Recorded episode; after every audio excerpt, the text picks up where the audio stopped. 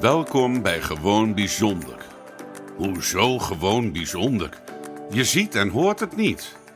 Hij is een halve Afrikaan en zij een hele Koreaan.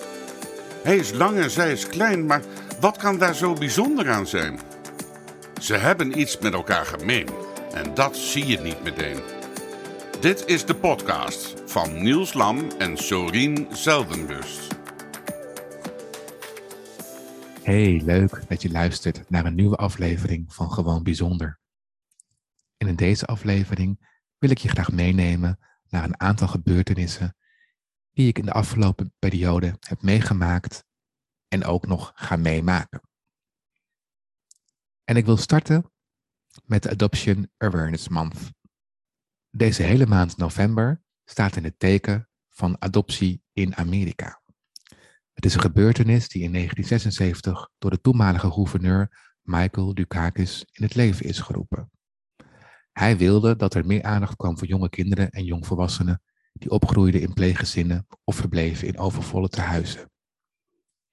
De heer Dukakis vond dat het beter was als deze kinderen en jongvolwassenen geadopteerd zouden worden. In 1984 riep de toenmalige president van Amerika Ronald Reagan de eerste nationale adoptieweek uit. En in 1994 werd dit onder leiding van de toenmalige president Bill Clinton een hele maand. Er zijn een paar vooraanstaande organisaties op het gebied van adoptie die in deze maand diverse activiteiten organiseren om adoptie in Amerika te promoten. De laatste jaren zie je in Nederland dat er ook meer aandacht wordt besteed aan de Adoptie, Adoption Awareness Month. Echter geven wij er een andere invulling aan. Hier in Nederland ligt de nadruk meer op de andere kant van adoptie. De keerzijde van adoptie, de niet zo leuke kant van adoptie.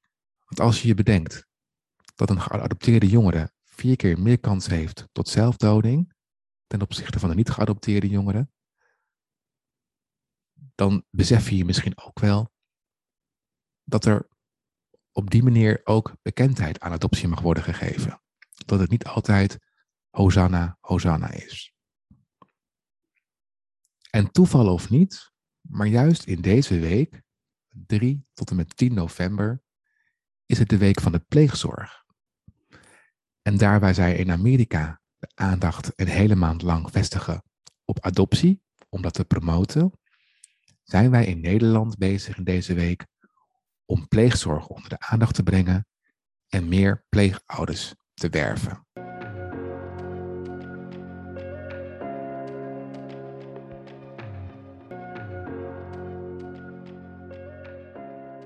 Elk jaar organiseert Jeugdzorg Nederland de Week van Pleegzorg.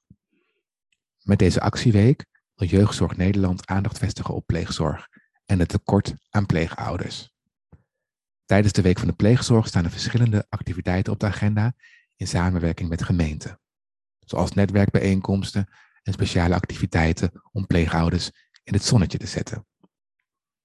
De Week van de Pleegzorg is dus van 3 tot en met 10 november.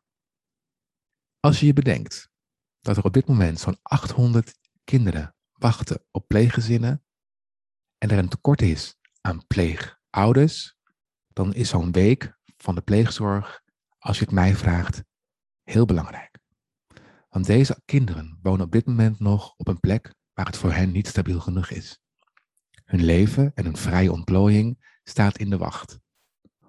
Om voor hen het licht ook op groen te zetten, zijn er meer pleegouders nodig. In deeltijd, kortdurend of voor langere tijd. Tijdens de Week van Pleegzorg wil Pleegzorg Nederland met alle lokale pleegzorgorganisaties meer mensen enthousiasmeren voor de pleegouderschap, zodat ieder kind zo thuis mogelijk kan opgroeien. Als je meer wilt weten over de week van de pleegzorg, dan kun je kijken op openjewereld.nu of op de site van pleegzorg.nl.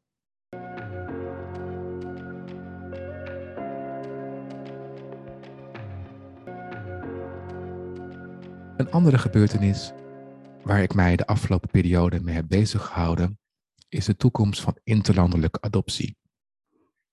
Zoals jullie wellicht inmiddels al weten, is er in Nederland een stop op interlandelijke adoptie vanwege een aantal misstanden die aan het licht zijn gekomen.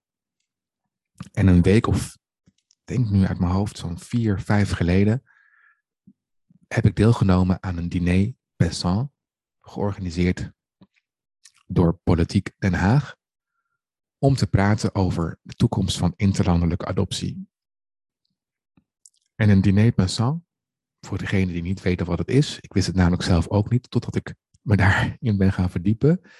Dat is een, uh, een bijeenkomst waar mensen met elkaar in gesprek gaan en tussendoor eten en drinken. Dus uh, in een huiskamerachtige sfeer.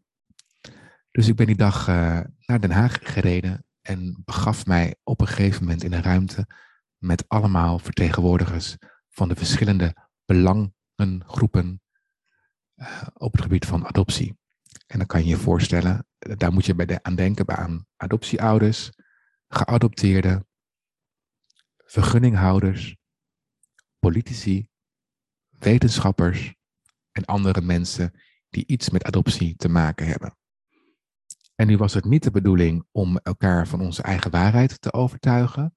Nee, de missionair minister Sander Dekker heeft ons gevraagd om met een open blik naar een drietal dilemma's te kijken en daar met elkaar over in gesprek te gaan, zonder elkaar te overtuigen.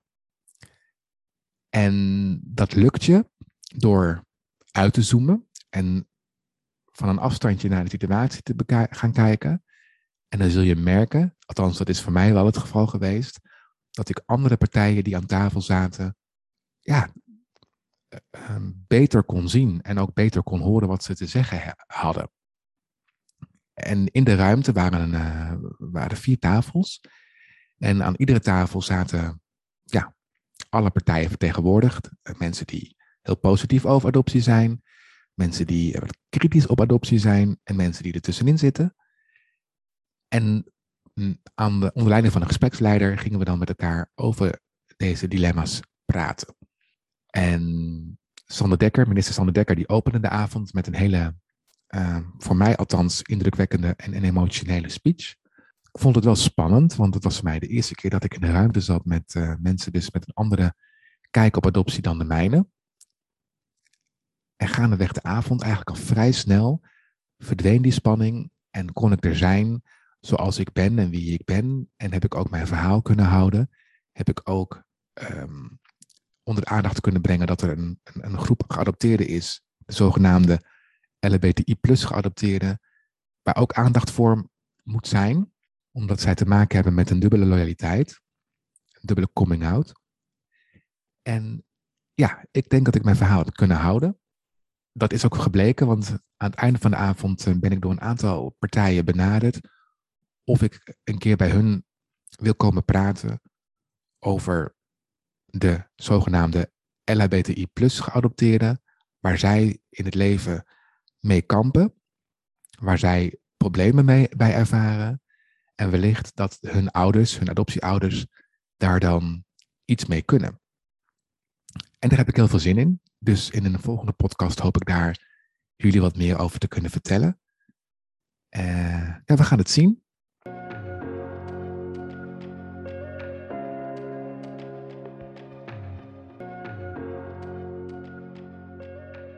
Een andere gebeurtenis die heeft onlangs plaatsgevonden was de Mannendag van AFC Nederland, onder leiding van Hilbrand Westra en Sander Penninga.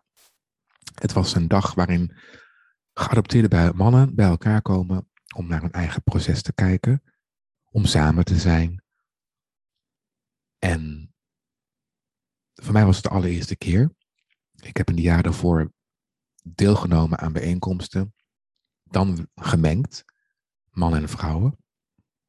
En ik vond het altijd een beetje een gedoe om alleen maar met mannen te zijn.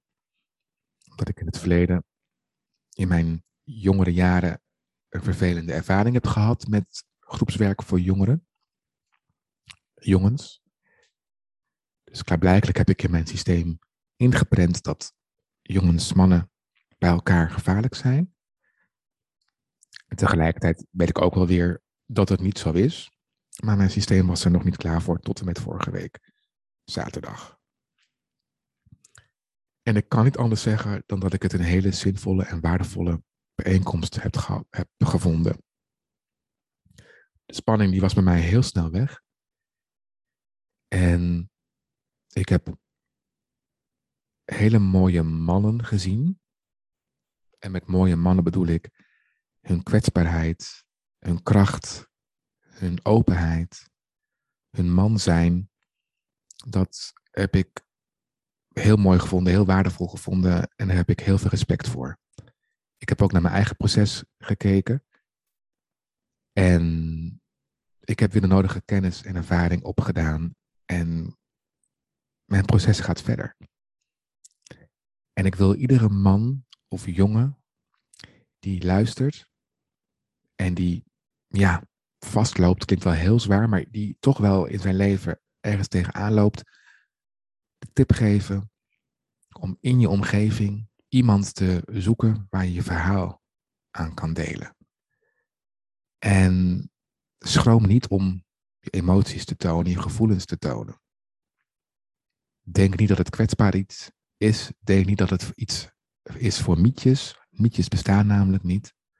Want ook wij mannen mogen kwetsbaar zijn. Ook wij mannen mogen over onze gevoelens en emoties praten. En door dat te doen, kom je in je kracht te staan. En kom je ja, in je man zijn, meer in je man zijn te staan.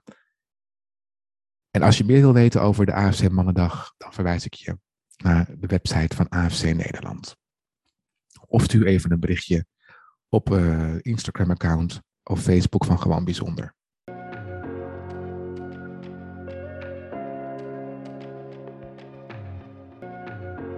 Nou, dan wil ik jullie van harte bedanken voor het luisteren naar deze aflevering van Gewoon Bijzonder. Ik wens jullie uh, weer een hele mooie week, te, uh, week toe. Met uh, veel liefde. Zorg goed voor jezelf. En hou het bijzonder. Dag. Dit was de podcast van Gewoon Bijzonder. Niels en Sorien horen graag wat je van de podcast vindt. Wil je een review achterlaten of wil je iets delen? Je kan ze vinden op Instagram, Facebook en hun eigen website gewoonbijzonder.nl. En als je daar dan toch een kijkje neemt, volg, like en deel deze podcast. Dankjewel.